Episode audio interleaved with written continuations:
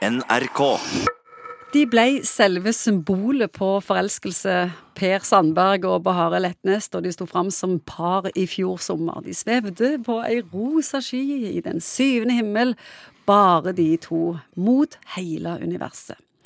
Ser på hverandre fortapte og beundrende, og de er ikke alene. Vi ser det rett som det er når Amors piler treffer midt i hjertet av psykolog Egon Hagen. Hvorfor ler vi litt av folk som er forelska?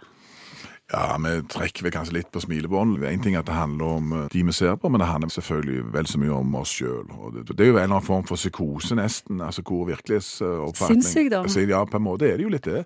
Det er kraftig krutt, og du ikke trenger å spise, og ikke trenger å sove. og ja, Så, så klart at det, det er noe gjenkjennende sikkert når vi, når vi smiler litt av det. For de fleste av oss har jo vært i den situasjonen og vet at det er en eiendommelig tilstand.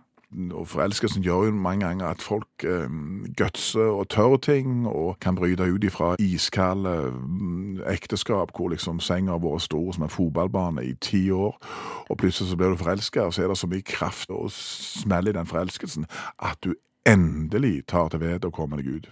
Hva er det som skjer med oss når vi blir forelska, fra en psykologs standpunkt? Altså, det er en skummel prosess. Det er en skummel prosess, og så er det jo nå, nå snakket vi veldig fint om det, det er jo òg en form for galskap som noen ganger kan ha uhensiktsmessige Ja, du blir blind. Du blir blind, sant? og du jump to conclusion, og du idylliserer den andre fullstendig, og du legger inn egenskaper som vet hun kanskje ikke har i det hele tatt. Og så ser du hvordan det går med nettdating og folk som er naive. Ja, alt dette. Men det viser seg jo at det skal egentlig ganske lite til. altså Noen brever og noen mailer og noen bilder, altså, så kan folk bli ekstremt Du trenger ikke bare tatt på den andre eller hatt den andre i nærheten av deg. Du kan altså gå fullstendig bananas eh, forelskelsesveis forelskelseswise uten å ha møtt vedkommende. Kan vi beskrive litt hvor gal og psykotisk en forelska person er? og du mister litt grann den objektive vurderingen av virkeligheten. Altså, det skjer masse ting i forhold til mat og søvn, og du tenker på den andre hele tida. Og, og det er på en måte en, en ja, Hvordan skal du forklare det? det? Besettelse. En besettelse. Hvorfor er det noen som aldri blir forelska?